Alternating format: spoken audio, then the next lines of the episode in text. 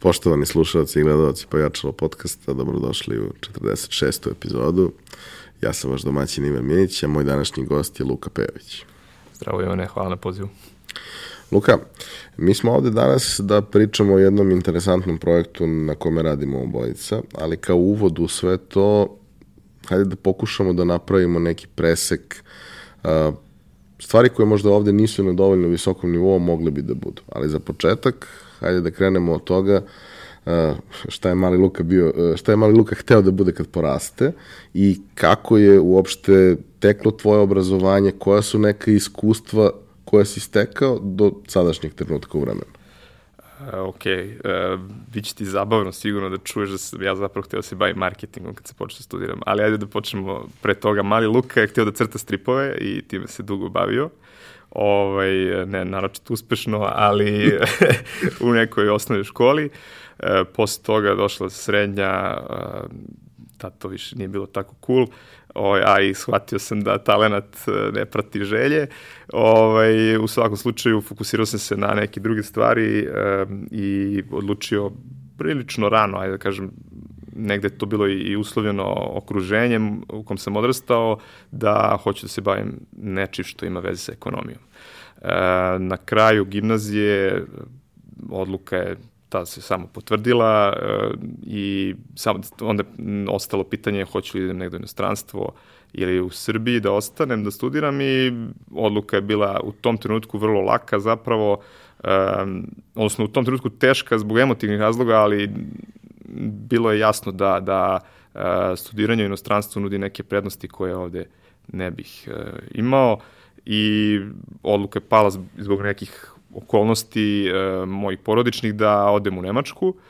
E, to mi je bilo neko u tom trenutku najjednostavnije, e, jer danas je jako lako otići, tada je to bilo skop, skopčano sa mnogim e, peripetijama i odluka je pala, ok, Düsseldorf, Heinrich Heine univerzitet, to je destinacija.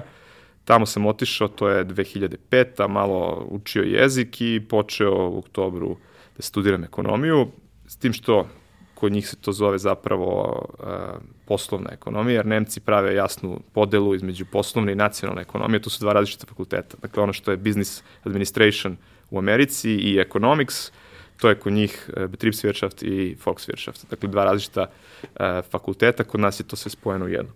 Uh, počeo sam, dakle, sa željom da, da se bavim marketingom, to mi je nekako bilo u tom trenutku zanimljivo, iako moram da priznam da nisam imao blagu predstavu o tome šta je stvarno marketing. Ovaj, I čak ja u tom trenutku nisam bio siguran ni zašto je marketing uopšte na ekonomskom, ekonomskom fakultetu. Ovaj, meni to bilo onako kao nešto, neka kreativna industrija koja nema mnogo veze sa ekonomijom. E, međutim, vrlo brzo sam shvatio da i tekako ima i da tu, iza toga stoji mnogo uh, zanimljivih stvari. Međutim, E, kako to često biva i zbog profesora koji je tamo e, vodio tu katedru za marketinga i malo zbog činjenice sam studirao na nemačkom jeziku koji sam bukvalno ono u, u godinu dana pre fakulteta počeo da učim ozbiljno i da se spremam za fakultet. E, nekako su mi mnogo bolje išli predmeti koji su imali veze sa prirodnim naukama, dakle financije, investicije, finansijska matematika, statistika, čak sam i statistike zapravo imao ubedljivo najbolju ocenu, ovaj, a ti drugi predmeti koji su malo više proza, bili su drugačiji, jednostavno jezik je, je tu bio mnogo veća smetnja i to danas zaključujem, tada mi to nije možda bilo baš uh, toliko jasno, uh, ali taj skup faktora je uticao da se ja opredelim za investicije i financije i krenem u tom smeru. E, vrlo brzo su počeli, ajde da kažem, to je jedna od onako razlika tada, sad se to drastično promenilo i u Srbiji, ali u Nemačkoj to od uvek bilo tako, tada su ljudi jako puno, e, još kao studenti, radili i išli na prakse. I onda sam ja posle recimo prve, druge godine shvatio, kad sam se vratio sa letnjeg raspusta, e, da sam ja proveo potpuno bez veze moj letnji raspust, iako sam bio pun doživljaja. Zašto sam to shvatio? Zato što sam video da ljudi tamo uglavnom su radili prakse negde, negde su bili. Ja sam tri meseca bio u Beogradu i ono, družio se sa... I bilo ti je super. I bilo mi je super i bio, bio sam kod rodbine ovaj, i, i sve to jako lepo i, um, i onako uživanje, ali jer mislim prosto ja dođem u Beograd i svi ljudi koji su moje godište, moji drugari i drugarice iz gimnazije, svi su se tako ponašali. Mislim, ovaj, nije na kraju krajeva ni postojala druga opcija. Onda se vratiš u oktobru, počinje ovaj, druga godina fakulteta i kao šta ste radili, gde ste bili, svi moji drugari radili neke prakse, znaš, ono, jedino ja sam, šta jedino sam... Jedino tebi bilo super. Jedino meni bilo super, da. Ovaj, I onda kao, ok, vidim ja da tu nešto uh, ja malo propuštam uh, i onda, naravno, te njihove prakse u tom trenutku to je bilo ono šta može čovjek posle prve godine fakulteta da radi sve to onako prilično skromno, ali vidim ja i oni su za to bili plaćeni, već su, dakle, napravili neke kontakte u, u bankama, kompanijama, gde, gde je ko već išao i onda shvatim da moram malo da, da jasnije se opredelim ranije, da se opredelim šta hoću da radim i gde hoću i onda je krenula ta uh, to moje usmeravanje ka financijama još, još više i traženje praksi, uh, obavljanje prakse u, u jednoj corporate finance firmi, uh, da kažem, nešto slično firmi u kojoj danas radim i tamo sam se bavio u principu uh, corporate finance uh, uslugama, to me dosta usmerilo jer sam shvatio da uh, me to interesuje, uh, savjetovanje kompanija kod transakcija, prodaje, kupovine, uh, takozvani M&A i uh, dalje sam se usmeravao u tom pravcu. To je već, ajde kažem, pred kraj fakulteta bilo vrlo jasno da hoću u tom pravcu da idem. E, na kraju, uz još par nekih praksi, recimo u Londonu sam radio u jednoj brokerskoj, e, brokerskoj firmi, to je bilo onako baš interesantno iskustvo gde sam shvatio da niti više želim da živim u Londonu, niti želim da budem broker. Ovaj, e, radio sam i u jednoj srpskoj banci praksu, tad sam shvatio da želim da budem bankar, ali corporate finance ovaj, mi se dopao i onda sam u tom pracu i nastavio. Posle fakulteta um, to je bilo jako teško u Nemačkoj u tom trenutku. Zemlja je izlazila iz ove svetske krize, to je 2011. godina, bilo je teško naći posao, pogotovo za nekog koji je stranac, jer Nemci e, ne prave oni, ne diskriminišu oni, ali kada vide da neko je tu 4-5 godina, uh, oni se pitaju koliko taj čovjek zaista dobro govori nemački, koliko je dobro integrisan u našu kulturu. I to je, kada imate 10 kandidata, kom, gde svakome možete da posvetite dva minuta da pročite njegov CV, to može da bude onako knockout kriterijum da neko ko je došao iz Srbije e, otpadne. Međutim, u nekom trenutku desilo se da me pozove jedna e, sjajna kompanija na razgovor. E, da, kako to često biva, bilo je mučenje i onda odjedan put dve ponude za posao. Uh, jedna opet corporate finance uh, consulting firma, a drugo, druge, druga ponuda je stigla od jedne ajde reći ćemo, energetske kompanije koja se bavila u, uslugama u energetici i e, njihova ponuda je bila sjajna, oni su neki trainee program gde dve godine idem kroz različite sektore u financijama i onda sam se za to odlučio zato što sam hteo da za te dve godine prođem sve te stanice jedne e, korporacije, e, naravno u finansu, a druga stvar je bila što su oni nudili mogućnost da se radi na nekim projektima u inostranstvu, jer su oni prisutni i danas u 25 zemalja sveta. E, možda danas malo manje ili možda i više, nisam sad više ni siguran, ovaj, malo sam izgubio ovaj, račun.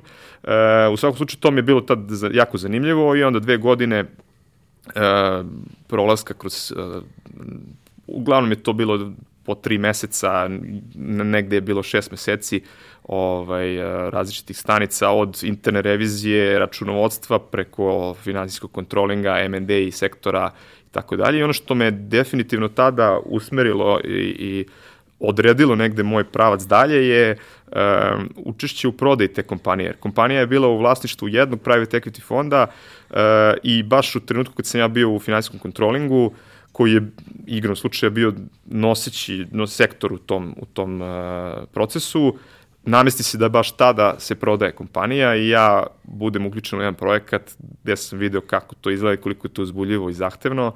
I onda sam rekao, ok, ovo je nešto što, što me i tekako zanima, transakcije, kompanija, uh, analiza finansijska i to me negde i odredilo dalje, kažem, posle dve godine i projekata u Španiji, tri meseca u Madridu sam radio za tu kompaniju, e, tri meseca takođe sam radio u Atlanti, e, to je bilo isto jako interesantno iskustvo, mogu sam da upoznam onako tri potpuno različita mentaliteta i u poslu i u životu, španski, američki i nemački, um, to je zaista vredno iskustvo i kažem, prođu dve godine tog trainshipa i ja onako nađem u situaciji da li ću da se vraćam u Srbiju, da li ću da ostanem u kompaniji. Uh, oni su mi ponudili jednu sjajnu ulogu uh, kontrolera za srednju Evropu uh, u finansijskom kontrolingu za, za taj region, gde praktično sam bio zadužen za planiranje i analizu uh, poslovanja u Nemačkoj, Austriji, Švajcarskoj i Luksemburgu. E, naravno, kao deo odeljenja, nisam, sam to vodio, pošto je to ipak velika kompanija koja je u tom trenutku imala preko 700 miliona evra prihoda. Mislim, velika, u Nemačkoj je to jedna u, u moru takvih, ovaj, ali zahteva to, to velike timove i tamo sam bio, eto, naredne dve godine, gde sam se, osim tog, te analize i planiranja, bavio dosta takozvanim ad hoc projektima, uh, kada naša kompanija hoće da proguta neku manju, onda oni meni daju da uradim finansijsku analizu tog kejsa, da li to za nas ima smisla i kako će se to odraziti na naše poslovanje. I puno takvih projekata, jer su, znali su i za taj moj background i iz M&A-a i uh, znali su da, da je to nešto što me zanima i onda, i bio sam pritom i najmlađi i nekako naj, najagilniji, nisam imao uh, decu i porodicu kao mnoge kolege i onda kao eto, ti si pametan dečko, ajde ti to da radiš. E, paralelno sa tim počeo sam da se spremam e, za CFA e, ispite, Chartered Financial Analyst, titula koju ne znam da li, da li si nekad čuo, ali je neka vrsta zlatnog standarda u finansijskoj industriji. I tako se to sve uh, razvijalo dok uh, nije prošlo dve godine kad sam ja shvatio ok, ili sada ostajem zaovek u Nemačku ili se vraćam u, u, u rodnu Srbiju i tada je pala odluka da se vratim i od tada radim u BDO-u koji je, da kažem, consulting bar što se mene tiče consulting kompanija, inače najviše nas ljudi prepoznaju po reviziji, računovodstvu, ali to je samo jedna u nizu usluga koju mi nudimo, radimo i ne znam, obračune plata, poresko savjetovanje, ali i poslovni konsulting koji zaista uključuje uh, i procene vrednosti preduzeća, zaista najrazličitije stvari, procene vrednosti preduzeća, uh, M&A, uh, uh, neko strateško savjetovanje, restrukturiranja i tako dalje i eto, od 2016. sam tamo i onda se rodila jedna interesantna ideja na koju smo i ti počeli da radimo. Umeđu vremenu, da, eto, i to da pomenem, bio sam šest meseci na jednom projektu u Norveškoj, u polanom krugu u jednoj kompaniji koja se bavi brodogradnjom, Tako da sam tamo radio kao finansijski kontroler ovaj, šest meseci, to je isto bilo jako zanimljivo iskustvo. I eto, tu smo onda danas, gde, gde smo danas. Dobro, to je baš bilo raznovrsno. da. Ove, raznovrsnih pa desetak godina. Pa da, tako je.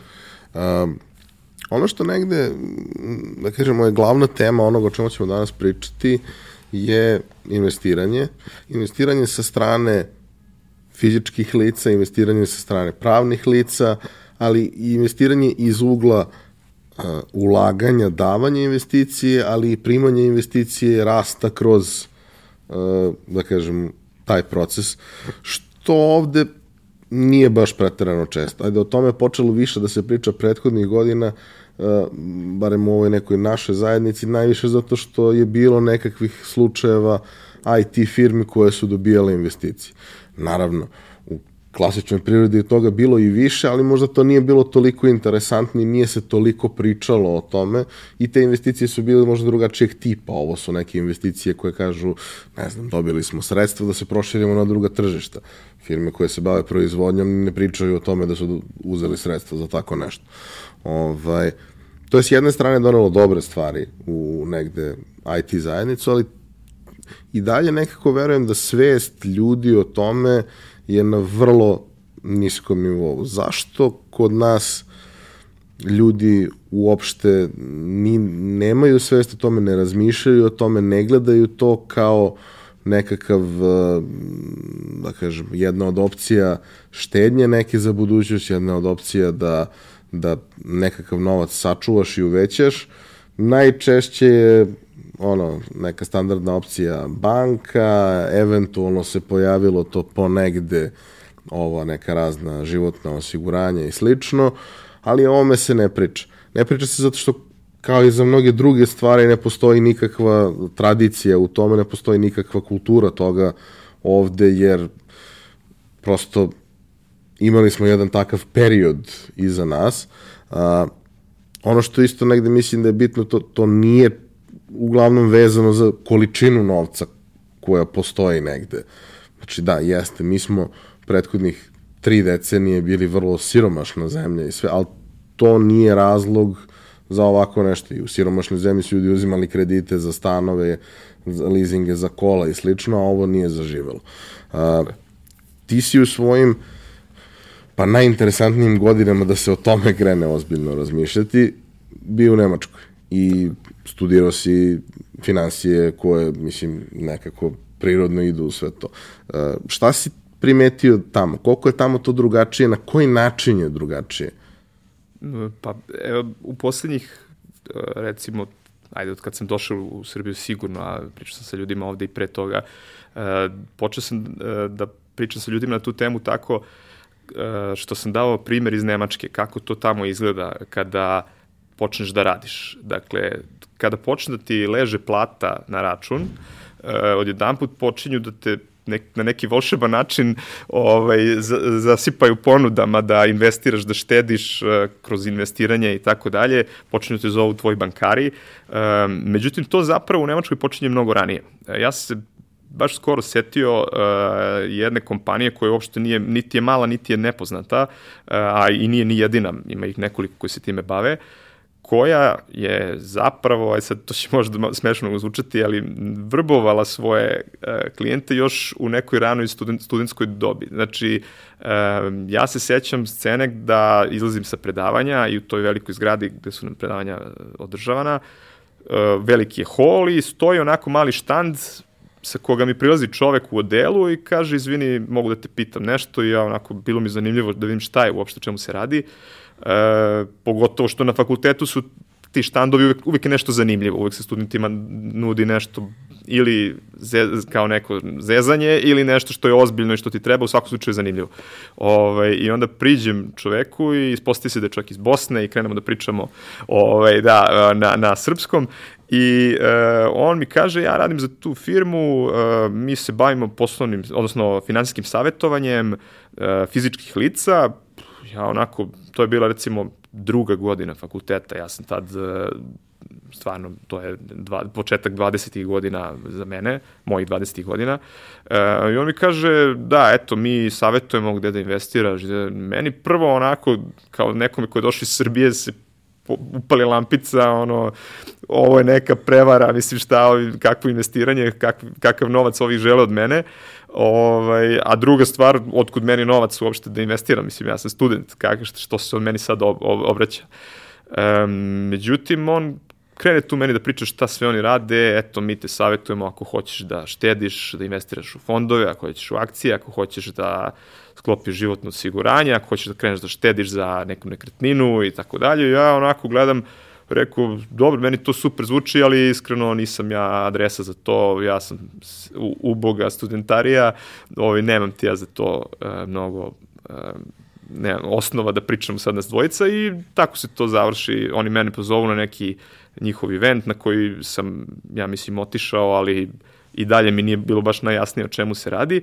Međutim, mojim kolegama e, sa fakulteta, drugarima sa fakulteta, je to i tekako bilo zanimljivo i oni su znali o čemu se radi. Mislim, iako nisu ni oni imali više para mnogo od mene, možda čak neki i manje, ali su znali i oni naprave neki odnos sa tim ljudima, ja mislim da im nisu ništa plaćali, da je to bilo već on, više onako kao jednom u godinu dana dođeš na neki razgovor, gde oni zapravo tebe u nekoj fazi vrlo rano tvoje karijere, ajde da računamo da je to početak karijere, jer neki ljudi, ti ljudi su već tada radili neke prakse, kao što sam rekao, ili part-time poslove, oni tebe uhvate i kažu, možda sad nemaš, ali za dve, tri godine ćeš imati, a i sad opet nešto zarađuješ, pa eto, ako nešto odvojiš sa strane, mi ćemo da te posavetujemo kako to da urodiš, uz, uz neke jako povoljne uslove za studente. Međutim, koji je razlog za to? Ti jednog dana završavaš fakultet i odjedan put se do, e, dešava nevjerovatna promena da umesto nula tebi svakog meseca ležu hiljade eura na račun, e onda si ti već uh, ušao na, debelo njima na radar i već to mnogo više smisla ima. I onda neretko se dešavalo da ljudi po 5-6 godina imaju taj odnos sa savjetnikom uh, gde ih je on pratio od trenutka kad su zarađivali 500 evra, 3 meseca preko leta, pa danas kad, kad su počeli da radi, da zarađuju više hiljada evra i on ih upućuje na to. E, i sad, eto, to je kako to u Nemačkoj izgleda. A zašto je kod nas drugačije? Pa razlozi su pre svega istorijski. Mislim, to je, to je vrlo, vrlo jasno. Dakle, ispravit ću te, nije da mi nemamo tradiciju u tome. Znači, Berza u Srbiji ove godine slavi 125 godina od svog osnivanja. Međutim, to nije 125 godina od, uh, nije 125 godina trajanja Berze što je berza posle drugog svjetskog rata ukinuta. E, I taj diskontinuitet je on razlog e, zašto mi danas nemamo kulturu investiranja. Zato što posle drugog svjetskog rata, posle nacionalizacije i tako dalje, s jedne strane ti više ne možeš da investiraš, čak i da imaš neki novac, e, nemaš nemaš zapravo u šta da ga, da ga uložiš, nema deonica ili akcija, nema fondova, mislim, to, možda je neko mogao u neki mali privatni biznis koji je tada još postoje u nekim tragovima, e, ali to je bilo vrlo, vrlo, zaista samo u tragovima, I to je bilo to. A s druge strane, ne samo da nemaš opcije, nego ti država, društvo te vaspitava tako da e, nema potrebe da ti razmišljaš o tome. E, ti uplaćuješ u PIO fond i država će da brine o tebi postavljati praktično sigurnosnu mrežu ispod te linije, odnosno žice po kojoj svi hodamo, ako se razboliš, besplatno obrazovanje, ako imaš decu, e, besplatno, odnosno besplatno lečenje, ako imaš decu, besplatno obrazovanje. E, ako odeš u penziju, e, ako doživiš, bit će penzija dovoljna za neki dostojanstven život u starosti. I to je trajalo koliko je trajalo, 45 godina, u stvari kod nas i duže, i jednostavno oni koji su imali neki pojam, ako ih i preostalo posle drugog svjetskog rata su uh, zbog bioloških razloga nestali sa scene, a oni koji su kasnije uh, stasavali, naravno uh, nisu imali predstavu kako to, da, da postoji neki drugi način uh, da se štedi, osim tih banaka koje su opet bile državne, uh, i mislim da je ta svest, drugi će neko da brine o meni, koja je tada bila legitimna. Mislim, ta država je zaista brinula o, o, o, o svojim građanima. Mislim, Samo je to bilo neodrživo. E, pa, o, pokazalo se da, da je bilo neodrživo. Sad iz, iz kog razloga to možemo da diskutujemo, ali definitivno da, neodrživo. E, posledice toga vidimo i danas. I, a naravno, na to onda se nadovezuju 90. hiperinflacija, e, Jugoskandik i Dafiment banka, e, prevare, opšta nesigurnost, ne samo u finansijskom sektoru, nego i e, u zemlji gde se pitaš da li će biti kroz pet godina. Sve to, dakle, ta kultura investiranja za široke narodne mase, nazovemo ih tako, je imala toliko nepovoljnih okolnosti protiv sebe e, da je pravo čudo da je išta od nje i ostalo. Ovaj, to su jednostavno objektivni razlozi zašto je nestala. Ali uh, Um, zašto je važno da mi protiv toga nešto uradimo danas? Um, zato što jednog dana ćemo svi mi otići u penziju ako je doživimo, a nameravamo verovatno, no, mnogi žele... Iako se, iako se ta granica pomera, sve više i pa, više. Pa vidi, ako si uspešan preduzetnik, možeš i sa 30 da odeš ovaj, teoretski u penziju, ovaj, ali da pričamo o nekom prosečnom slučaju, prosečnom građaninu, uh, otići će u penziju, velika je verovatnoća, i onda će živeti od uh, državne penzije koja uh, je čak ne ni u, samo u Srbiji, već i u svim zemljama danas uh, Evrope nedovoljna za, za da se ne da se održi uh, onaj životni stil kojim se živelo do penzije, nego vrlo često nije dovoljno ni da se uh, ostane iznad granice siromaštva. Čak i u Nemačkoj, znači ne pričam sad u Srbiji i našim problemima sa, sa ne znam, poreskim sistemom, odnosno penzijnim sistemom, nego pričam, to, to je situacija u celom zapadnom svetu. Dakle, ti imaš, e, pogotovo danas, ti imaš e, broj ljudi koji žive od penzije koji raste, a broj ljudi koji ulaze u korpus radne snage ne može to da više da prati. I onda se novac koji se upumpava u penzione, državne penzione fondove nije dovoljan da, da pokrije, penzije padaju, to je u Americi isto problem, u Nemačkoj je problem, kod nas je problem takođe.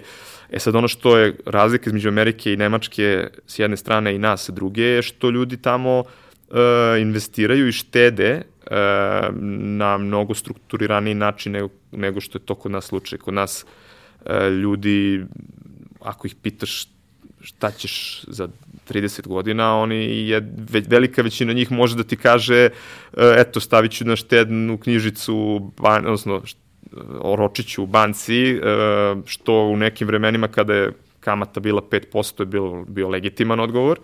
Ovaj, danas nije više, jer je štednja, evo vidio sam juče i to se pozitivno iznenadio, 1,71 u jednoj banci, ovaj, efektivna kamatna stopa na štednju.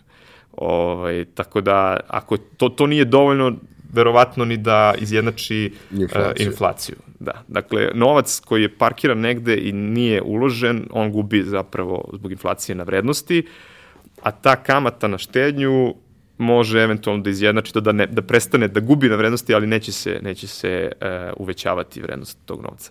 Tako da, odnosno, neće rasti uh, taj, uh, taj iznos. Um, realno. I e, to je veliki problem i onda u Nemačkoj, a pogotovo u anglosaksonskom svetu, ljudi e, vrlo brzo e, počinju da investiraju.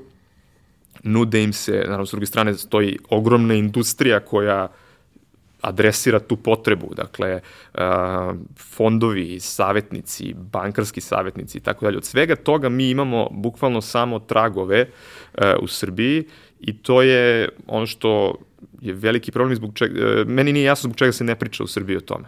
Zbog čega to nije tema, jer uh, postoje dve mogućnosti. Jedna mogućnost je da svi završimo na državnim jaslama, uh, neko ko bolje zarađuje će možda da kupi neku nekretninu pa će moći da izdaje, da eventualno od toga živi, a velika većina zapravo neće. Znači, ili će završiti na, na državnim jaslama, kao što se rekao, ili na teretu svoje deci, ako ih ima. Ovaj, I to je, to je problem koji može da se reši nekim merama. Um, mislim da se u Srbiji malo priča o tome, nije mi baš najjasnije. Ne, ne mislim da je to planski tako, ne mislim da, da je to...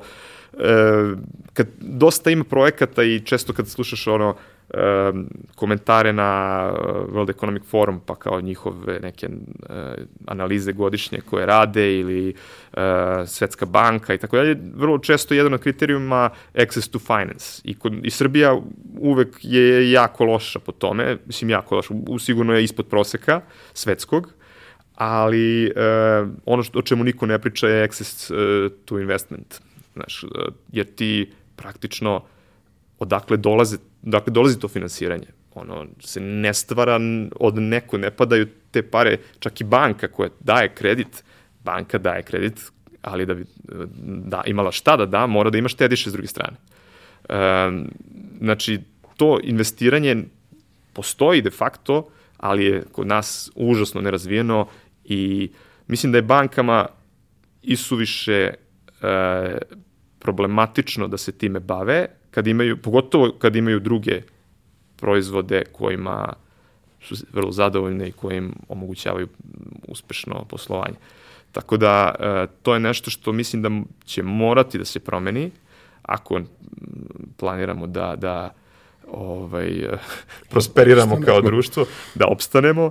Ovaj, um, eto, to je, to je ono što mislim da, da u Srbiji je velika tema o kojoj iz ne znam kog razloga niko posebno ne razgovara.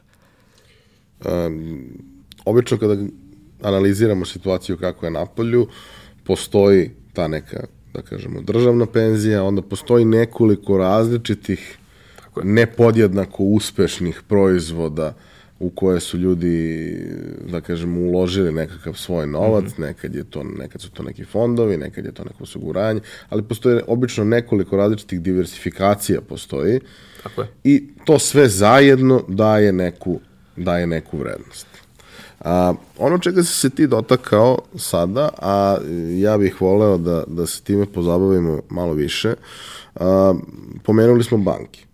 I a, kao što si ti pričao primer a, za te a, lične finansijske konsultante, tako isto istražujući istoriju jedne od banaka koja je na ovom tržištu sada relativno jaka, do nedavno nije bila toliko, njihov način poslovanja u matičnoj zemlji se upravo svodi na to da oni od samog starta investiraju svoje vreme u nekog ko je student, daju mu sve besplatno, jer će taj student jednog dana raditi, a oni imaju vremena jer postoje 150 godina i neće nigde.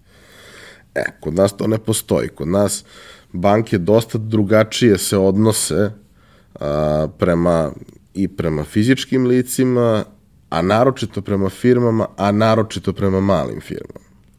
A, nekako, par puta u životu mi je trebao kredit i svaki put sam ga dobijao kao firma, jer sam prosto imao dovoljno dobre pokazatelje i nisam tražio velike iznose i tako dalje, ali stekao sam neki utisak iz priče sa prijateljima, da otprilike treba da ubediš banku da tebi to uopšte ne treba da bi dobio to. Što baš i nije ovaj dobar način da se, da se, da se funkcioniše. A, hajde da probamo, odnosno da probaš da nam objasniš zašto su mm, male firme sa stabilnim poslovanjem toliko neinteresantne bankama za, za bilo kakve kredite, jer to napolju možda ne bi bio problem, imali bi druge opcije, ali ovde ih nemaju. Pa bi negde bilo logično da se onda banke malo više potrude, ali one to ne rade. E, pa, znaš šta, e, ti si sad lepo rekao, negde napolju e, imaju neke druge opcije. Ono što e, sam istražujući bankarsku industriju i napolju i ovde e, primetio, koliko god mi možda misli drugačije, nisu banke e, toliko različite u Srbiji i u, i u inostranstvu po tom pitanju. E, verovo ili ne, u, pogotovo u anglosaksonskim zemljama, mali biznisi zaista nemaju šta da traže kod poslovnih banaka. Dakle, to su vrlo, vrlo e, mali procenti e, kredita, odnosno plasiranih, e, plasiranih kredita kod banaka idu u mikro ili small sektor. Dakle, Srbija nije specifična po tome, ali prost je odgovor na to pitanje. Banke jednostavno nisu napravljene za tako nešto. Nije to krivica ni banaka, ni bankara, toliko, ne, negde, do nekle možda jeste što ne razmišljaju strateški, ali uh, de facto banka ono što mi kao korisnici mislimo kad ulazimo u banku je da idemo kod krojača, a zapravo ulazimo uh, u industrijsku uh, proizvodnju, u neki H&M ili Zaru, uh, jer su banke napravljene kao um, zapravo to je industrija. Znači oni su oni su uh, oni imaju ogroman broj klijenata, uh, ogroman broj slučajeva koje treba obraditi i tu moraš da postaviš jasna pravila i onda kad ih postaviš ti vidiš uh, malo ih prilagođavaš i onda vidiš ok, ovaj segment tržišta mi je profitabilan, ovaj nije. Mali segment, male kompanije uh, i, i, i mikrokompanije nisu prosto, odnosno vrlo teško mogu da budu profitabilne i ja sam čitao recimo skoro o istraživanju u Nemačkoj koja ima užasno jak, uh, jake te mal, ta mala i srednja preduzeća, da banke tamo ne uspevaju da, da taj segment tržišta, čak pričamo o srednjim preduzećima, a u Nemačkoj je preduzeće do milijardu evra prometa srednje preduzeće. Dakle, čak takva preduzeća, znači ajde možda milijardu, kad, kad pričamo o toj veličini ona jesu, ali recimo 50-60 miliona evra prihoda uh, do te veličine to su neprofitabilni klijenti za, uh, ako gledaš samo uh, kredit. O čemu se radi? Banka ne gleda tebe kao jedan slučaj, banka gleda vas 10.000 i ona kaže vas 10.000 ja po aplikaciji za kredit, po, moj čovek mora da potroši određeni broj minuta, uh, postoji statistika koliko vas će da defaultuje, odnosno neće vratiti kredit, koliko ćemo izgubiti novca i uh, kad sračunaš koliki ti je trošak na ljude da to obrade, da to administriraju i prate, uh, kad sračunaš koliko izgubiš od onih koji ti nisu vratili, E, I kad na drugu stranu staviš koliki ti je prinos od kamate koju ostvaruješ, ti vidiš da je to vrlo tanko i zapravo ja kao štediša u banci ne, ne želim da moja banka ulazi u segment gde će da gubi novac. Mislim, banka ne gubi novac i taj segment ipak postoji zato što tu naravno postoji platni promet, postoji mnoge druge usluge koje, banka nudi, ali upravo zato to i dalje postoji.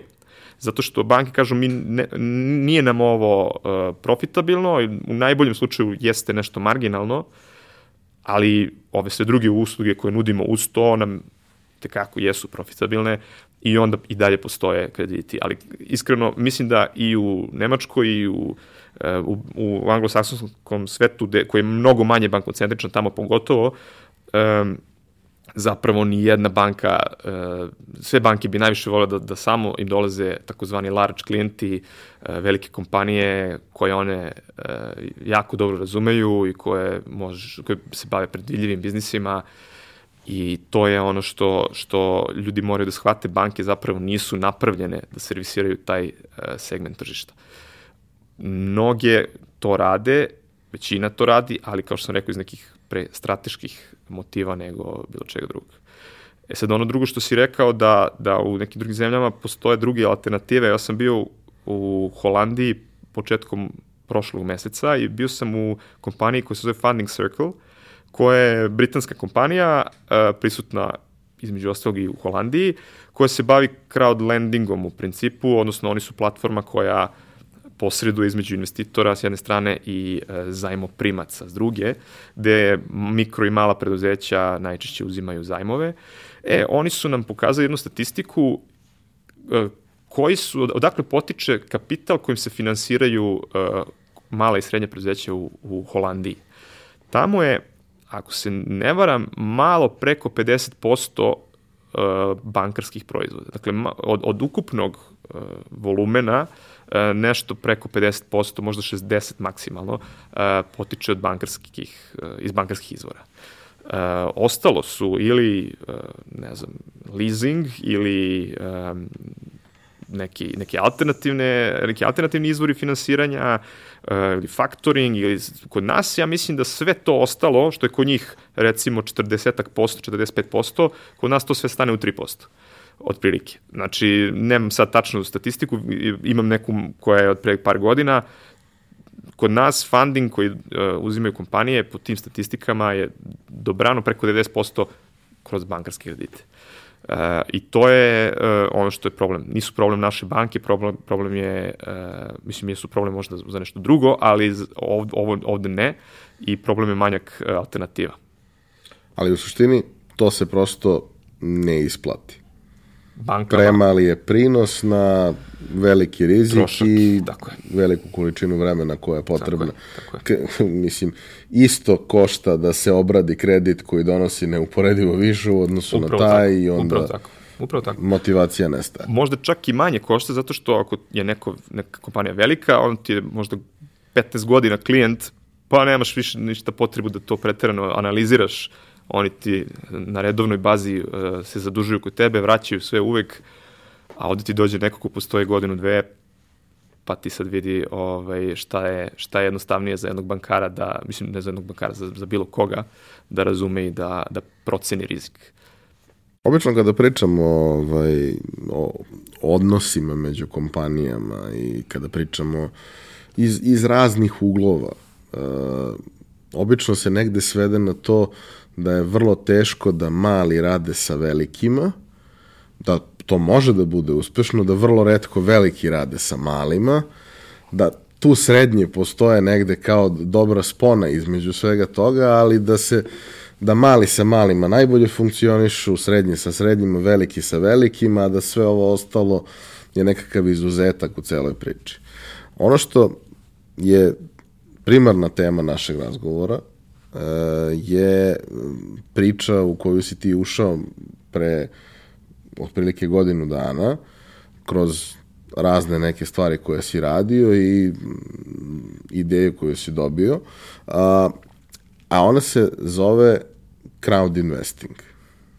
E sad, malo pre si pomenuo crowd lending, sad smo pomenuli crowd investing, ljudima je možda na neki način poznat crowdfunding.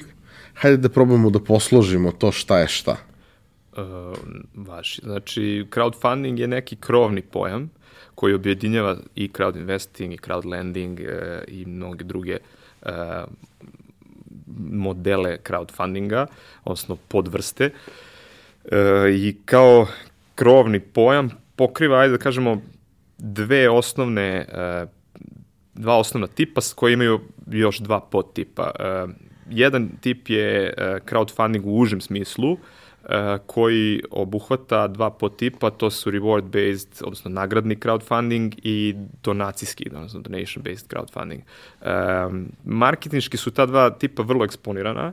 S jedne strane imamo uh, taj donacijski crowdfunding koji u suštini vrlo je sličan na onome što se dešava u Srbiji i, dan, i, i već godinama, da ljudi putem SMS-a pomažu neke najčešće humanitarne ciljeve. Uh, to, kod nas postoji platforma koja se time bavi, zove se donacije.rs i to, kao što rekao, to su najčešće motivi zašto neko koristi takvu platformu su najčešće altruistički. Dakle, hoće da pomogne ili neki ekološki projekat ili a, neku školu ili nekome kome treba nešto za lečenje. Dakle, to je, to je a, model. GoFundMe je verovatno najpoznatiji predstavnik tog tipa a, crowdfundinga. Onda postoji reward-based crowdfunding, uh, koji je možda medijski najeksponiraniji, uh, zahvaljujući sjajnom poslu koji radi Kickstarter i Indiegogo. Uh,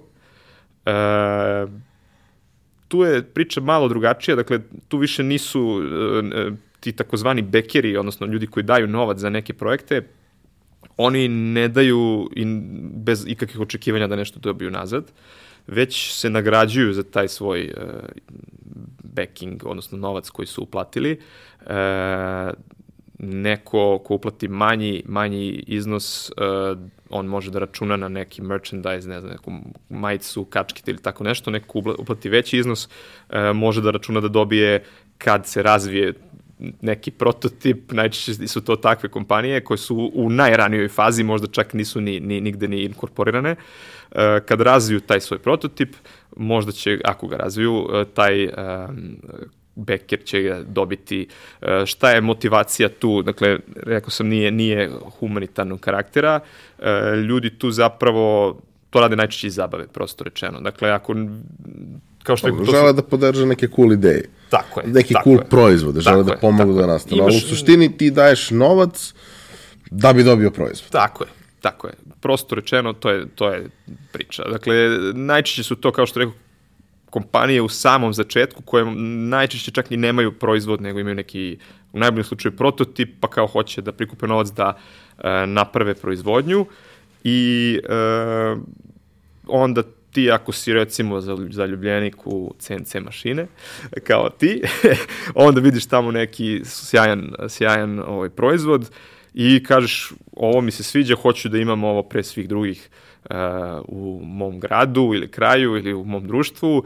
I oni ti kažu da za, ti ćeš za 500 dolara koje ćeš nam dati dobiti tri meseca pre nego što ovo izađe na tržište i pritom ta mašina će koštati hiljadu kad izađe, a ti ćeš dobiti za tih 500 što si dao.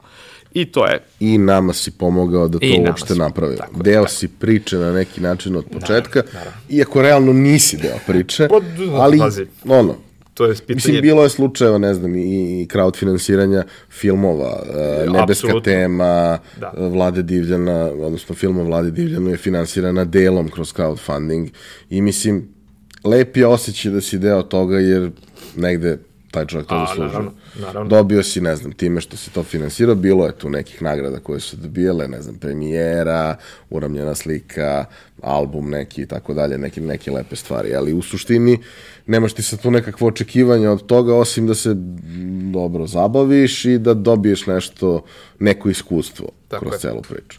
E sad, ovo čime mi hoćemo da se bavimo, spada u, taj, u, u tu drugu granu koja je drugačija.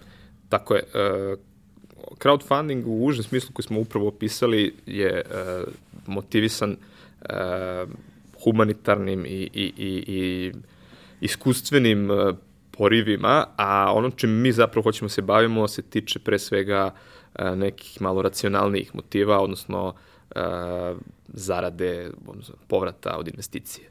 I tu postoje, opet rekao sam, znači, crowdfunding uh, u užem smislu je ovo što smo sad pričali, a crowd investing kao drugi, druga podvrsta crowdfundinga uh, se opet deli na, na dva podtipa, uh, crowd lending i uh, equity-based, takozvani equity-based crowdfunding, odnosno crowd investing.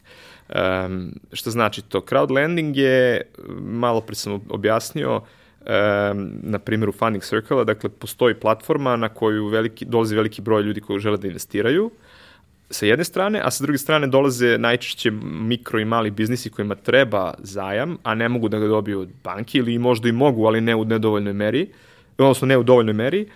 E, I oni se sreću na platformi, investitori mogu da prepoznaju neki projekat koji im je zanimljiv i da im na taj način pozajme, pozajme novac. E, to je nešto što je onako vrlo slično samo na nekom malom obimu uh, emisije obveznice. Dakle, jedino što ovde ne postoji vrednostni papir, uh, nego je to zaista zajam kojim ne može da se trguje na berzi. Tako da je to negde pandan, pandan uh, emisiji obveznica. Uh, equity-based crowd investing uh, je nešto drugo. Equity-based je opet pandan verovatno berzi, uh, gde ti kao mali investitor sa relativno gledano malim iznosom možeš da stekneš uh, udeo u vlasništvu uh, neke kompanije koje koja nije dostigla tu veličinu da može da izađe na berzu pa da kupiš njihovu akciju, nego je mikro, mala kompanija, startup ili šta god. Dakle, Ali modalitet je sličan. Modalitet je vrlo sličan, da. Ovaj, čak postoje neke platforme koje to guraju uh, tako da hoće da napravi čak i takozvano sekundarno tržište da ti možeš da trguješ tim udelima onako na, na, na nekom dnevnom nivou.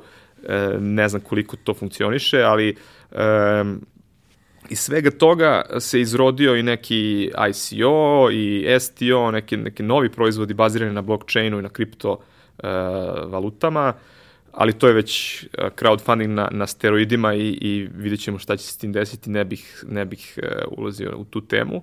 Ali eto čisto da pomenemo da i to postoji. Ono čime mi zapravo želimo da se bavimo e, je neka vrsta hibrida crowd investinga baziranu na pozemljivanju i na sticanju udela u vlasništvu. Tako da to je ono što što mislim da da je za Srbiju najbolja najbolje rešenje jer se pokazalo u nekim tržištima drugim kao zaista najbolja opcija. E sad, a, hajde da na neki način napravimo presek a, koji daje jasnu sliku ljudima kome je to namenjeno mm -hmm. sa strane firmi, kome je to namenjeno sa strane pojedinaca. Šta su ukratko neke, neki uslovi, mm -hmm. zašto to, na primjer, može da se koristi, o kojim redovima veličine pričamo i šta, šta su neka očekivanja koja, koja tu postoje. Uh, ok, ajde prvo da objasnim, rekao sam da je, da je, da je neka vrsta hibrida između uh, zaduživanja i prodaje udela. Samo da, da objasnim to i mislim da će uh, dobar deo tvojih pitanja biti o, odgovoreno na taj način.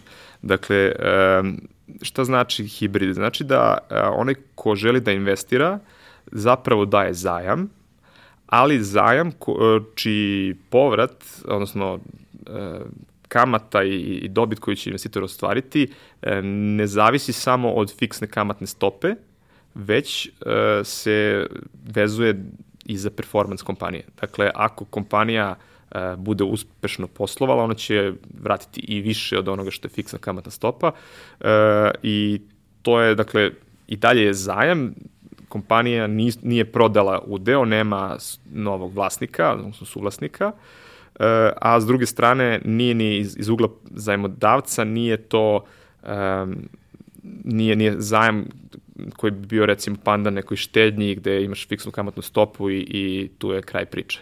E, šta znači za jedne i za druge, dakle e, za, za zajmoprince, odnosno kompaniju koja uzima taj novac, to znači da e, ona zadržava svoju nezavisnost, dakle nema, e, kao što sam rekao, nema suvlasnika koji dobija nekakvu kontrolu, e, ona je praktično uzela zajam, a sa druge strane investitori, kao što sam rekao, imaju mogućnost neki upside, odnosno da to ne bude samo fiksna kamatna stopa, nego da to bude i, i mnogo više. E, I to je ono što, da kažem, objašnjava konstrukciju samog proizvoda. E sad, kome je namenjeno? Pre svega, za mene, iskreno, e, glavni, glavni kriterijum je, e, ako pričamo na, sa strane kompanija, e, glavni kriterijum je želja i plan za rast. Dakle, te kamatne stope uvek moraju da održavaju neki rizik koji investitor preuzima. Ako investitor kaže, ok, ja hoću da taj rizik koji sam preuzeo bude nagrađen kroz fiksnu kamatnu stopu, onda će ta kamatna stopa bude jako visoka i neće biti atraktivna za kompaniju. Ako, s druge strane, uh, kažemo u redu, smanjit ćemo tu fiksnu kamatnu stopu, ali dajemo ti mogućnost da ako kompanija napreduje, ti ako kompanija raste, ti budeš dodatno nagrađen za rizik koji si preuzeo. E, da bi se to desilo, ta kompanija zaista mora da, da raste. Dakle, ne, nema upside-a ako ona nije zainteresovana za rast. Dakle, to e, kao kad im, kod bankarskog kredita da uzmeš kredit i vraćaš po, u, u napred ugovorenoj dinamici, e, ovde nije slučaj, dakle, mora da postoji neka želja i plan kako da se raste. Um, redovi veličina o kojima, to si me takođe pitao, um, mi gledamo da to budu neki zajmovi od 50.000 eura pa na gore, međutim, sad, sve ovo o čemu pričam je ništa nije strogo kao kriterijum, znači postoje slučajevi gde ima smisla ići i niže, uh, ali to mi moramo da vidimo da, da, da to zaista ima neki uh, potencijal za rast i da, da je to dobra uh, preduzetnička priča, ako pričamo o, o, o kompaniji. Dakle, to je, to je ono što, što je bitno, ono što je razlika, da kažem, u odnosu na bankarski kredit. Bankarski kredit najčešće zahteva neke kolaterale, neka vrsta obezbeđenja, ovde toga u tom obliku nema što je za male kompanije bez e, nekih eseta, odnosno imovi, vredne imovine jako važno postoji e, recimo obaveza da ne smeju da prodaju svoj brend, e, da ako imaju neku e, ne znam, neku nematerijalnu nematerijalnu imovinu, licence i tako dalje, to ne smeju da otuđe.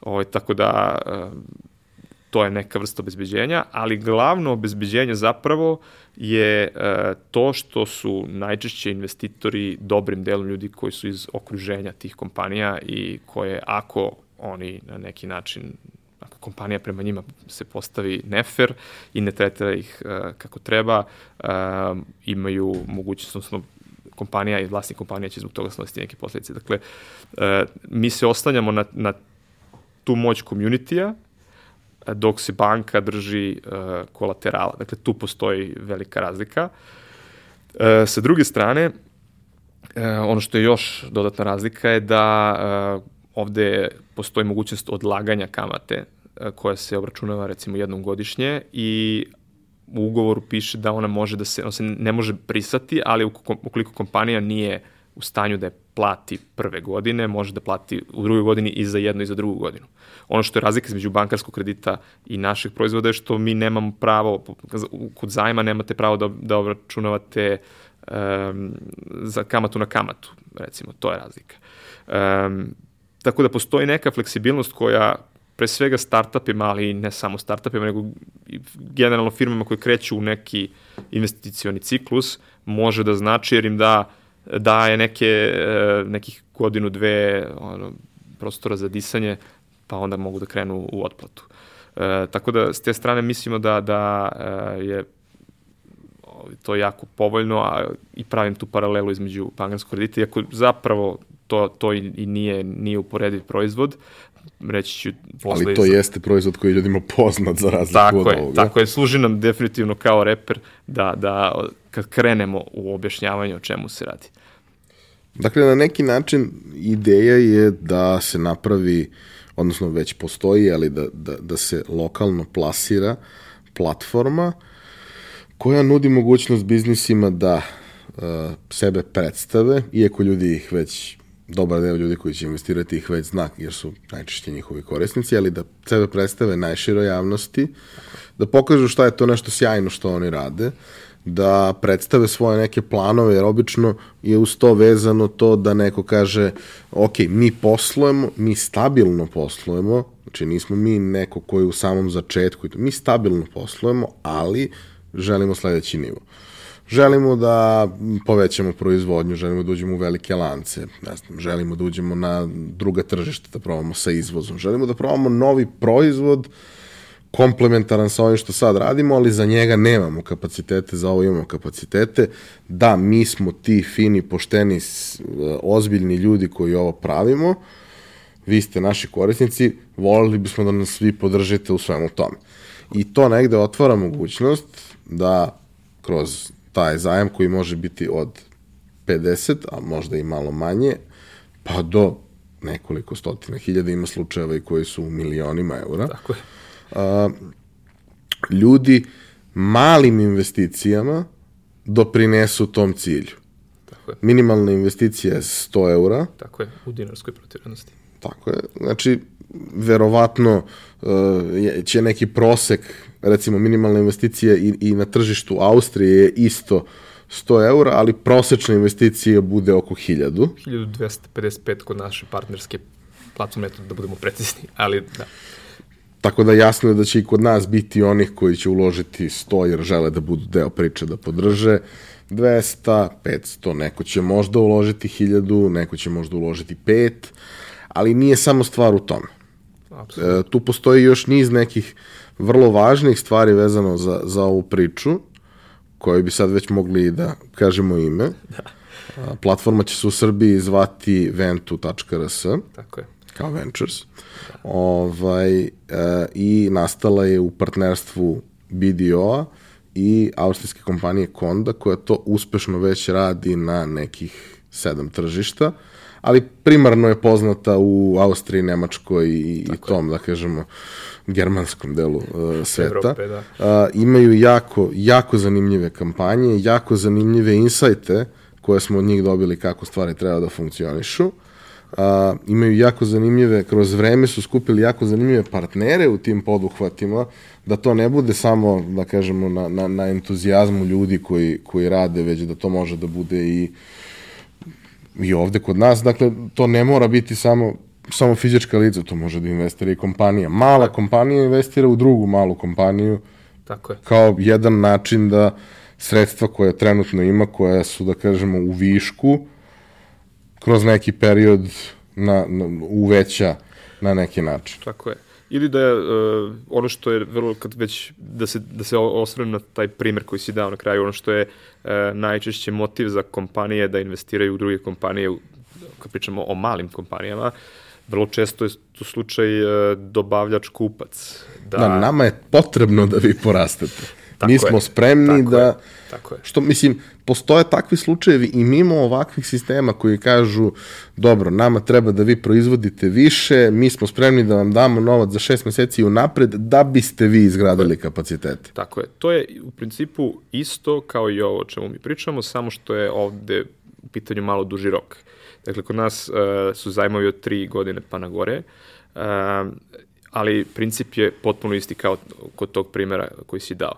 Dakle, uh, hajde da, da prvo se osvrnem na, na, na ovo što si rekao da ljudi mogu i sa, već sa 100 eura da se uključe u nek, da budu deo neke priče, a da to ne bude čisto humanitarnog karaktera, već da, da pritom i lepo zarade u, u principu, e, to, odnosno u perspektivi, tako da e, svi budu, sve kompanije mogu da iskoriste tu masu ljudi, nazovimo je tako, crowd, ne znam kako bi bolje, bolje preveo, uh, kao neko sredstvo da, da podignu prisust, prisutnost svog brenda, da izgrade takozvani community, odnosno zajednicu, uh, da naprave nova partnerstva, da jednostavno prošire prisutnost na, na sve moguće načine svoje kompanije. Evo o čemu se konkretno radi. Znači, ono što mi želimo da, pro, da promenimo i, i zašto kažem nismo baš sasvim uporedivi sa bankarskim kreditom. Mi zapravo ne nudimo uh, istu stvar. Sa jedne strane imaš, ja, ja to volim da poredim sa putovanjem. Znači, s jedne strane imaš booking.com, a s druge strane imaš turističku agenciju. I jedno i drugo možeš da upotrebiš. Booking ti daje smeštaj i to je to. S druge strane imaš turističku agenciju koja košta više, ali ti rešava i putovanje, i osiguranje, i ako treba viza i tako dalje. I, Samo imaš nula fleksibilnosti. E, zavisi. Znaš, ti imaš, e, mislim, kako god, imaš e, veći, veći, e, veću lepezu usluga koju plaćaš više, ali i jedni i drugi ti rešavaju do nekle jedan problem, ovi mnogo više problema, a ovi drugi jedan konkretan. Sad ti možeš da izabereš ono što mi, kako mi sebe vidimo, mi vidimo sebe kao e, pre kao neku agenciju koja ne nudi, zašto ljudi uopšte uzimaju zajam, zašto uzimaju kredit? Ne zato što žele da vide to na svom bilansu ili na računu taj novac, nego taj novac uvek ide u neki rast, uh, u neku investiciju ili možda ne u investiciju, ali u obrtna sredstva, zavisi čime se firma bavi i šta je konkretno treba.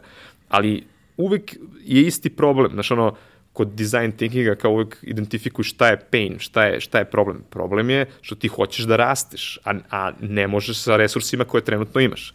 Sad, jedan od načina je da uzmeš zajam, odnosno kredit od banke, ali ti ćeš morati da uradiš i mnoge druge stvari. Nije ti samo kredit dovoljan i kao u, u, ono, u, u, ušpricao si tu injekciju i sve će to samo da se desi dalje. Ne, ti moraš da se baviš i prodajom, i marketingom, i uh, brandingom, i, i svim drugim stvarima koje svakako možeš da se baviš. E, crowdfunding, odnosno crowd investing, u našem slučaju, uh, adresira mnoge te probleme. Dakle, ti daješ mogućnost velikom broju ljudi da se uključi, da investira, možda su to tvoji kupci koji te već znaju, možda su ti prijatelji i, i porodica, možda te znaju samo kao profil na, na Instagramu, odnosno tvoju kompaniju znaju samo kao profil na Instagramu i znaju neke možda tvoje proizvode, e, a neko te možda uopšte ne zna, nego te vidi na platformi. E sad, kako to izgleda na platformi? Znači, mi smo kao neka vrsta web sajta, odnosno posrednika između te dve strane, investitorske i, i kom, kompanijske, nazovimo je tako, e, ponuda i potražnja za tim kapitalom su sa obe strane, mi smo u sredini i onda ti možeš da dođeš kod nas kao kako izgleda taj customer journey, kako to ovaj, na novo srpskom se lepo kaže, ti dođeš kao kompanija i kažeš ja hoću da rastim, ja hoću da investiram dalje u svoj, svoj rast. I uh, moj poslovni plan izgleda ovako. Onda mi kao neko ko treba da te reklamira prema investitorima, moramo da uradimo neke provere. E, poreske, pravne, finansijske i tako dalje. Mi kao firma, kao BDO se time bavimo na nekom mnogo višem nivou od, od, od mikro i, i, i malih biznisa, a, tako da nam to ništa nije strano. Sarađujemo i sa advokatskim kancelarijama, tako da se to proverava. Uh, i uh, ako ne vidimo ništa sporno, uh, zajedno razvijamo neki biznis plan. Naravno, ideja nije da ga mi urodimo za druge, jer uh, onda to, to nema najčešće mnogo smisla, jer taj neko ko radi biznis plan mora da bude onaj koji će da ga kasnije isprovodi.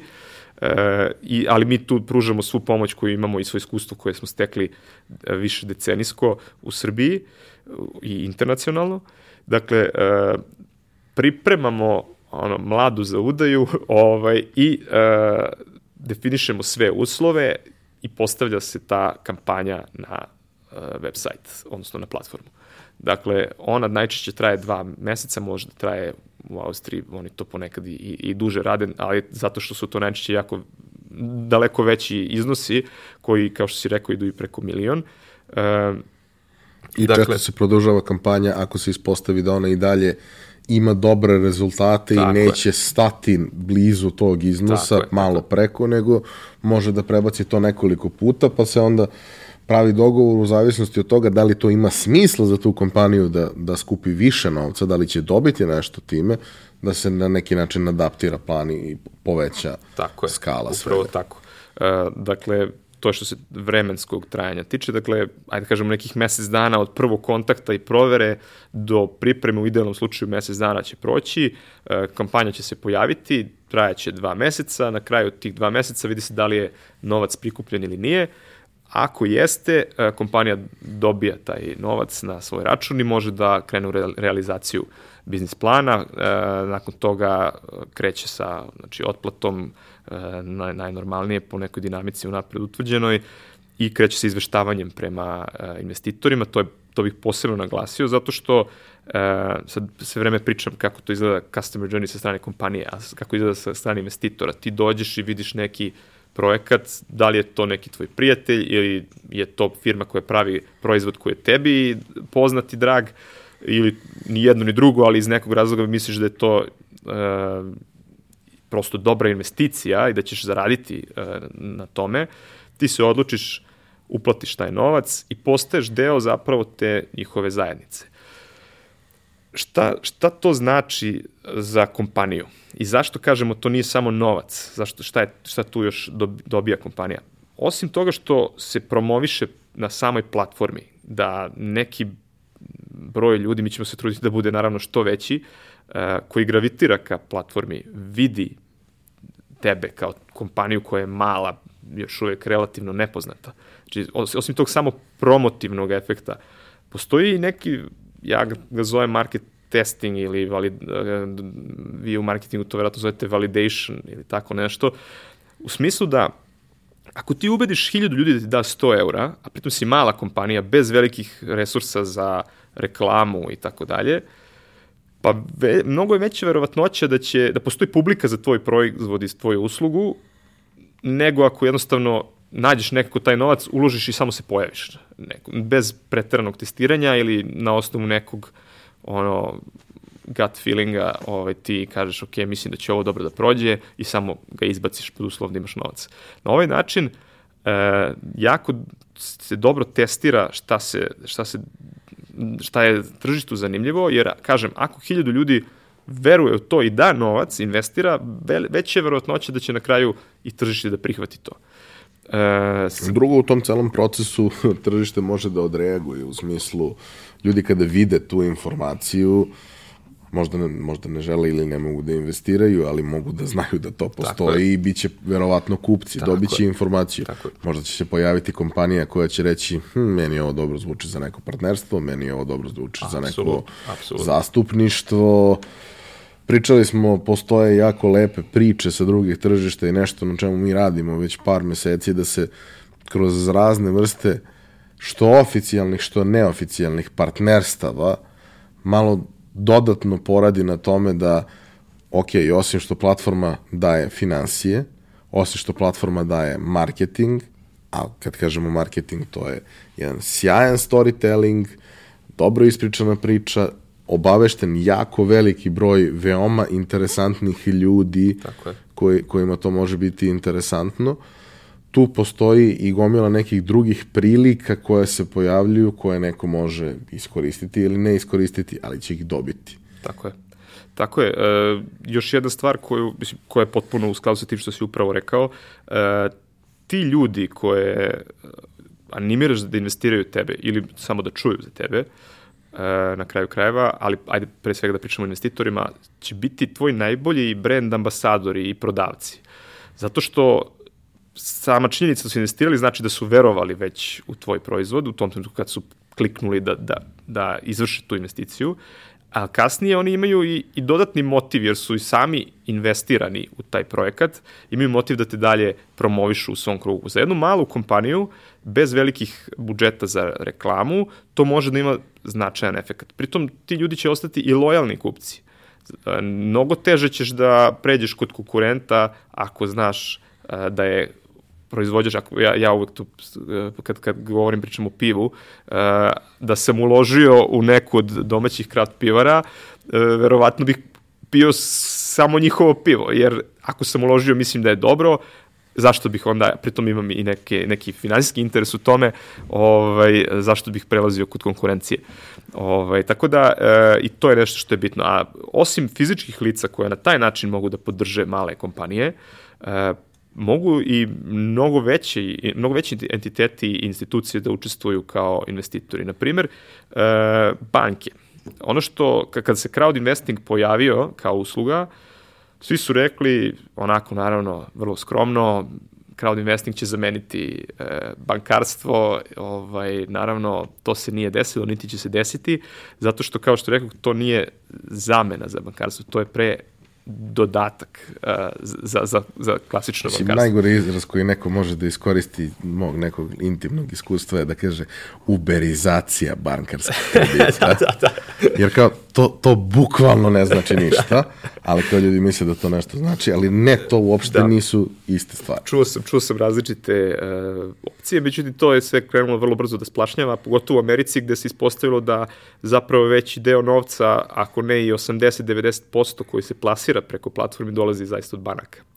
O, da, to je, to je uh, onako zanimljivo. Tu Evropi ne može da se desi uh, zbog uh, Bazela 3 i tako dalje, zbog nekih regulative.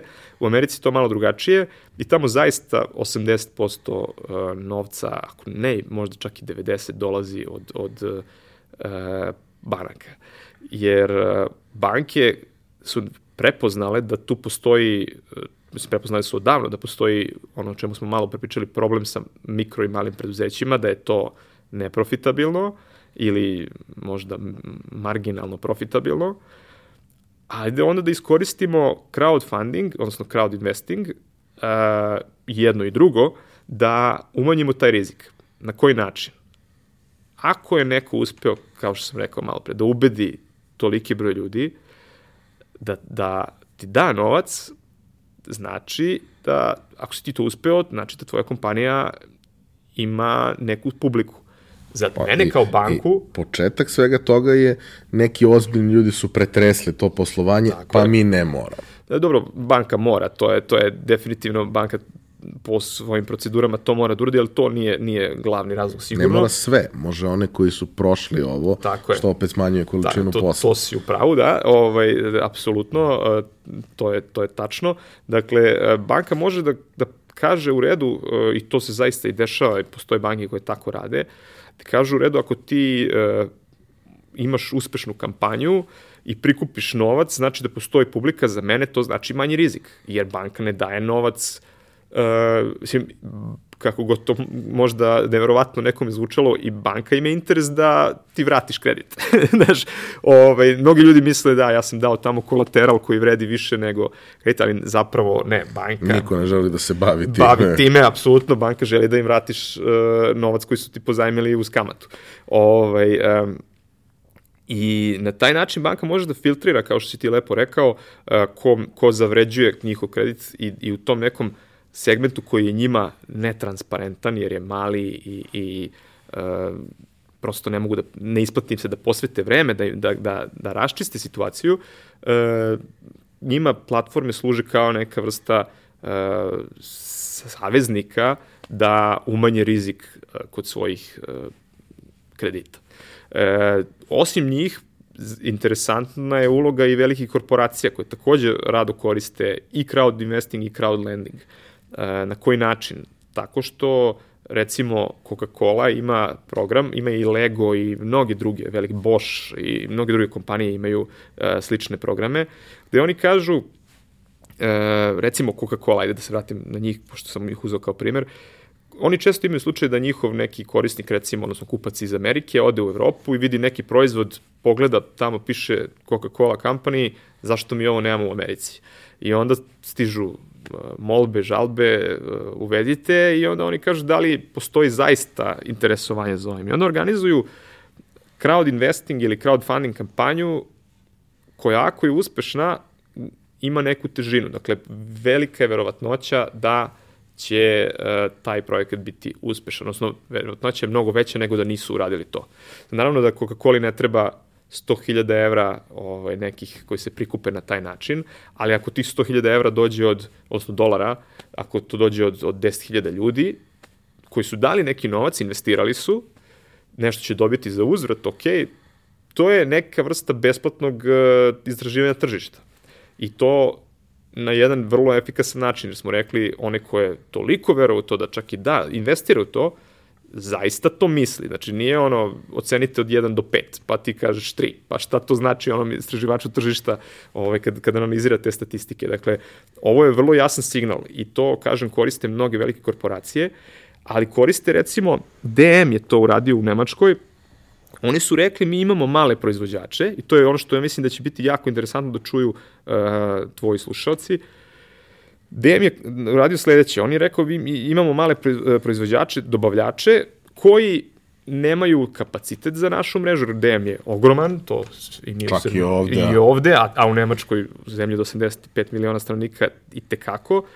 E, I ako si ti mali proizvođač, vrlo je verovatno da ne možeš da zadovoljiš njihov kap, kapacitet. E, s druge strane, postoji naravno uvijek i problem, e, pogotovo kod malih proizvođača, sa e, postojanošću kvaliteta. E, dakle, ako nemaš najmoderniju opremu, postoji mogućnost da, čak i onda, ali ako nemaš, ako nisi automatizovao proizvodnju, postoji mogućnost da ti kvalitet varira od serije do serije, od da se vratim na pivo, od uh, bureta do bureta, ovaj, uh, odnosno od ture do ture, kako se to ovaj, pravi, i onda imaš situaciju da jednom probaš jedan proizvod, uh, posle mesec dana ponovo uzmeš od istog proizvođača isti proizvod, a on ima potpuno drugi ukus, odnosno ima, nema dobar ukus, iako si prvi put uh, si dopalo ti se, a, sad, a drugi put ne i onda se razočaravaš.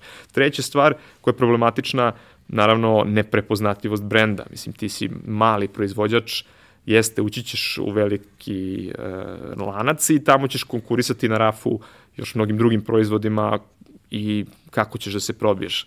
E, DM je to rešio tako što je rekao, dragi mali proizvođači, vas ne znam koliko ih je bilo desetak, ko od vas uspe da uh, prikupi dovoljno sredstava na jednoj crowdfunding platformi, uh, ući će kod nas i mi se obavezujemo da pod određenim uslovima uh, vas plaćamo, obavezujemo se da ćemo, ne znam, šest meseci sigurno otkupljivati sve što, što uh, vi prodajete i tako je.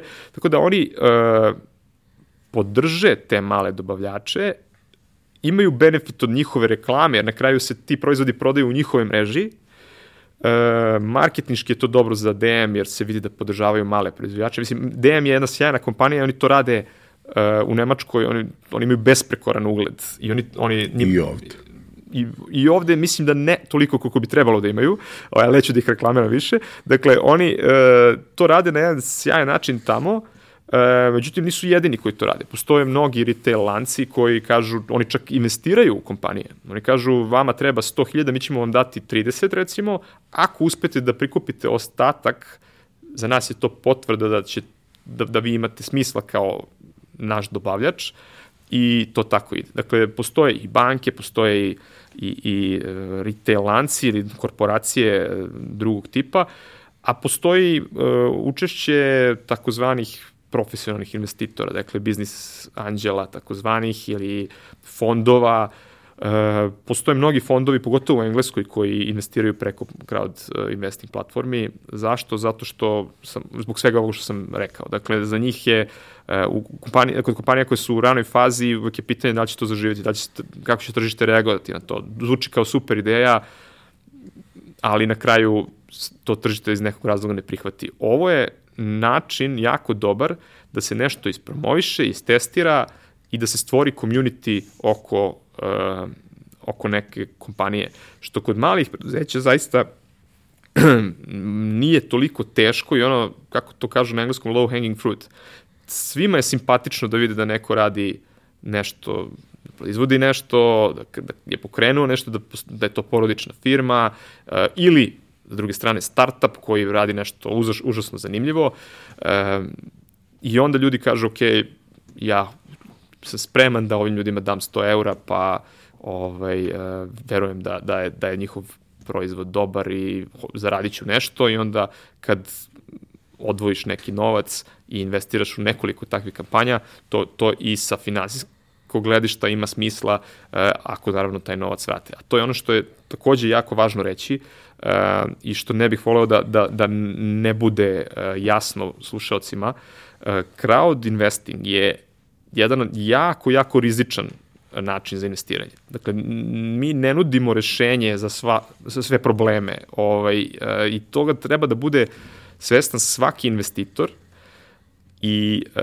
u skladu sa tim treba i da se ponaša. E sad da se vraćamo na početak razgovora i temu uh, razumevanje kako da rasporediš po takozvanim asset class uh, svoj novac. Dakle, ja nekako govorim, sad je to najgrublje moguće, ono, bez, i naravno tu ima mnogo faktora koje treba uzeti u obzir, ali ako neko ima određenu sumu, neka odvoji 10% za alternativno investiranje, pogotovo ako je mladi, ima uh, dugačak horizont uh, i tih 10% onda nek diverzifikuje na 10 kampanja, recimo.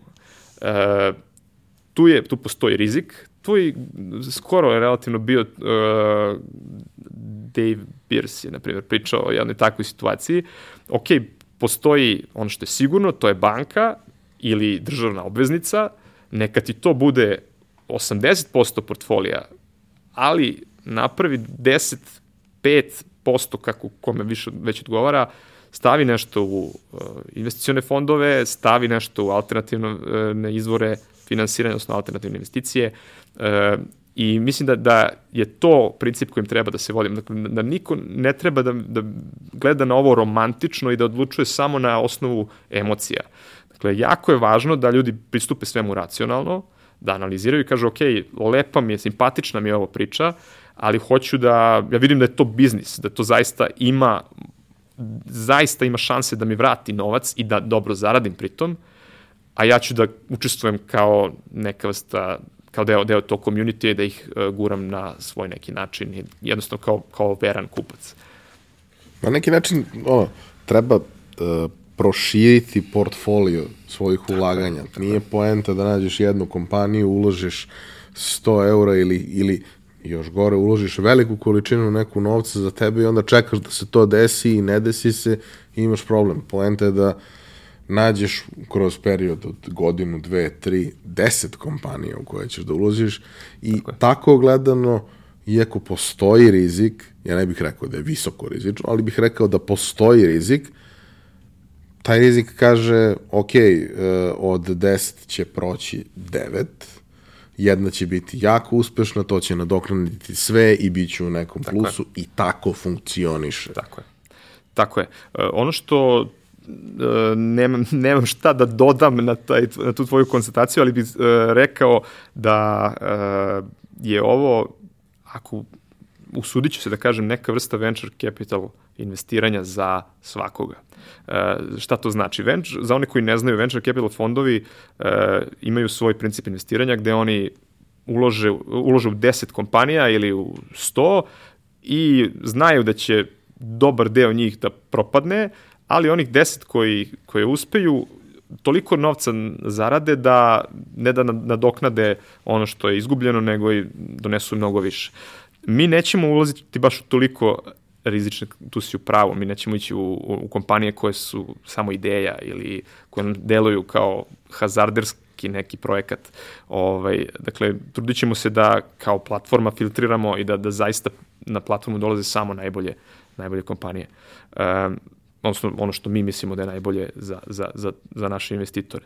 Um, dakle, ali princip je upravo onaj koji si ti malo preopisao, ra, raširi to po, po, uh, na 10 projekata, neka je to 1000 eura, to je 10 projekata od po 100 eura, verovatnoća da će jedan od njih da eksplodira i da bude jako uspešan postoji, nije ni tako mala, uh, a ovi koji, nadamo se da ih neće biti, ali realno je začekivati da neko ne uspe da vrati uh, zajam, bi, pokrićeš ih uh, iz ostalih kampanja i još ćeš dodatno dobro zaraditi. Tako da, uh, to je dobar savet što si e, sada formulisao. Ono što za kraj treba da najavimo, to je da smo se mi danas skupili ovde, da bismo najavili jedan workshop koji će se organizovati za kompanije kojima je ovo o čemu smo danas pričali interesantno ti ćeš dati više informacije o tome. Takođe, treba da najavimo i početak rada platforme, koji nije baš tako blizu, ali već sad možemo da najavimo, ljudi koji su zainteresovani mogu da se prijave, ostave mail, dobit će notifikaciju i vidjet će to kroz društvene mreže, ali kao što smo rekli da dugoročno ne bi bilo loše razmišljati o tim stvarima, nije ovo baš toliko dugoročno, ali eto, nova godina, pokloni, trošenje, putovanja, e, posle toga će doći nešto gde možda neki novac, a možda i deo tog novca koji biste inače uh, da li na neko takvo iskustvo možete investirati i umnožiti na neki način. Ajmo prvo, kada je radionica, kome je namenjena i kako je ideja da ona funkcioniše? Ok, e, radionica će biti e, ove jeseni, dakle kraj novembra, početak decembra, još nismo utvrdili datum, ali e, to je neki period na koji e, računamo, e, da, da će se to desiti. Radionica je osmišljena tako da imamo dva dana.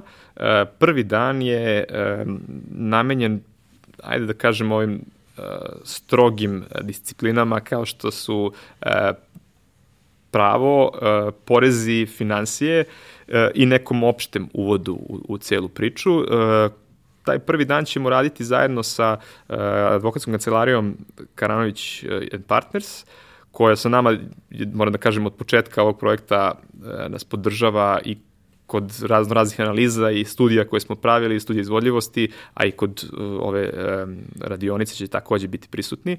Dakle, uh, moje kolege iz teksa, odnosno poreskog odeljenja će uh, razmotriti poreska pitanja, ja ću se baviti finansijskom stranom uh, i imat ćemo jedan uvodni deo koji treba da, da neku opštu sliku za one koji, koji prvi put, ne prvi put čuju, ali ne znaju baš o čemu se radi. Drugi dan uh, ćeš preuzeti ti sa, sa svojim timom i verovatno ćemo imati još neke gostujuće predavače gde ćemo se baviti pre svega onim soft veštinama i, i, i disciplinama kao što je marketing, digitalni marketing, kako ispromovisati sobstvenu kampanju, uh, kako objasniti ljudima zašto ste vi dobri, uh, dob, dobra... I šta je proizvod šta je proizvod, dana. ko ste vi, zašto vre, zavređujete investiciju i tako dalje. Uh, mislim da je to, da, da će to biti jako korisno i da uh, ajde prvo da kažemo za koga je to namenjeno. Dakle, za sve kompanije koje ispunjavaju onaj kriterijum da e, postoje neko vreme i imaju ne, neki dokaz da njihov poslovni model ima smisla. Dakle, imaju neke kupce, već imaju prihode. Dakle, nisu na nivou ideje, e, već su dokazali da, da postoji poslovni e, smisao iza svega toga, žele da rastu, Um, Imaju i negde jasnu ideju u kom smeru žele da rastu. Tako je, naravno. E, Pritom, e, naravno, poželjno je ako imaju, e, recimo, prisustvo na, na društvenim mrežama, skloni su e, digitalnom marketingu, to uvek pojačava, odnosno olakšava im život u, u, u crowd investing kampanjama. Međutim, ono što, što je možda tu poslednja stvar koju bih naglasio je da budu jednostavno otvoreni da, da je ovo jedno rešenje koje im nudi način da, da porastu i da im nudi jedan paket usluga koji će da ih pogura napred. Da kažem, I koji u mnogome prevazilazi cenu koju oni tako plaćaju, je. odnosno procenat tako je. koji oni plaćaju. Tako je, tako je. Dakle, mi, mi kao što sam rekao, mi ne nudimo finansiranje kao, kao mi, mi nudimo kao uslugu ili proizvod. Mi nudimo neki recept za rast, znači i, i, i sredstva da se taj rast ostvari. Dakle, tvoj zadatak uh, će na toj uh, na toj radionici biti da ljudima objasniš ne samo kako da sprovedu kampanju dobro, nego i kasnije kako da, da napred. Dobit će neki savet koji, uh, za koji bi inače morali da plate. Um, onda tu postoji uh, sa naše strane uh, mi smo, BDO je deo internacionalne mreže koji, je, koji postoji preko 160 članica, odnosno prisutni smo u preko 160 zemalja gde se bavimo između ostalog i poredskim savjetovanjem i računovodstvom, e, finansijskim savjetovanjem. E, dakle, sve, svo to znanje, sva ta ekspertiza stečena i u Srbiji za poslednjih još malo pa 27 godina uh, biće stavljena u službu tih kompanija. Nisam siguran da im je to tako lako dostupno inače, a radionica je besplatna. I naravno, e, kao što sam već pomenuo, Karanović Partners, naši dragi partneri, e, će im pokazati šta zapravo ugovor koji e, će oni sklopiti sa investitorom znači, koji su, koje su njihova prava, koje su obaveze. I to je, to je neka ideja.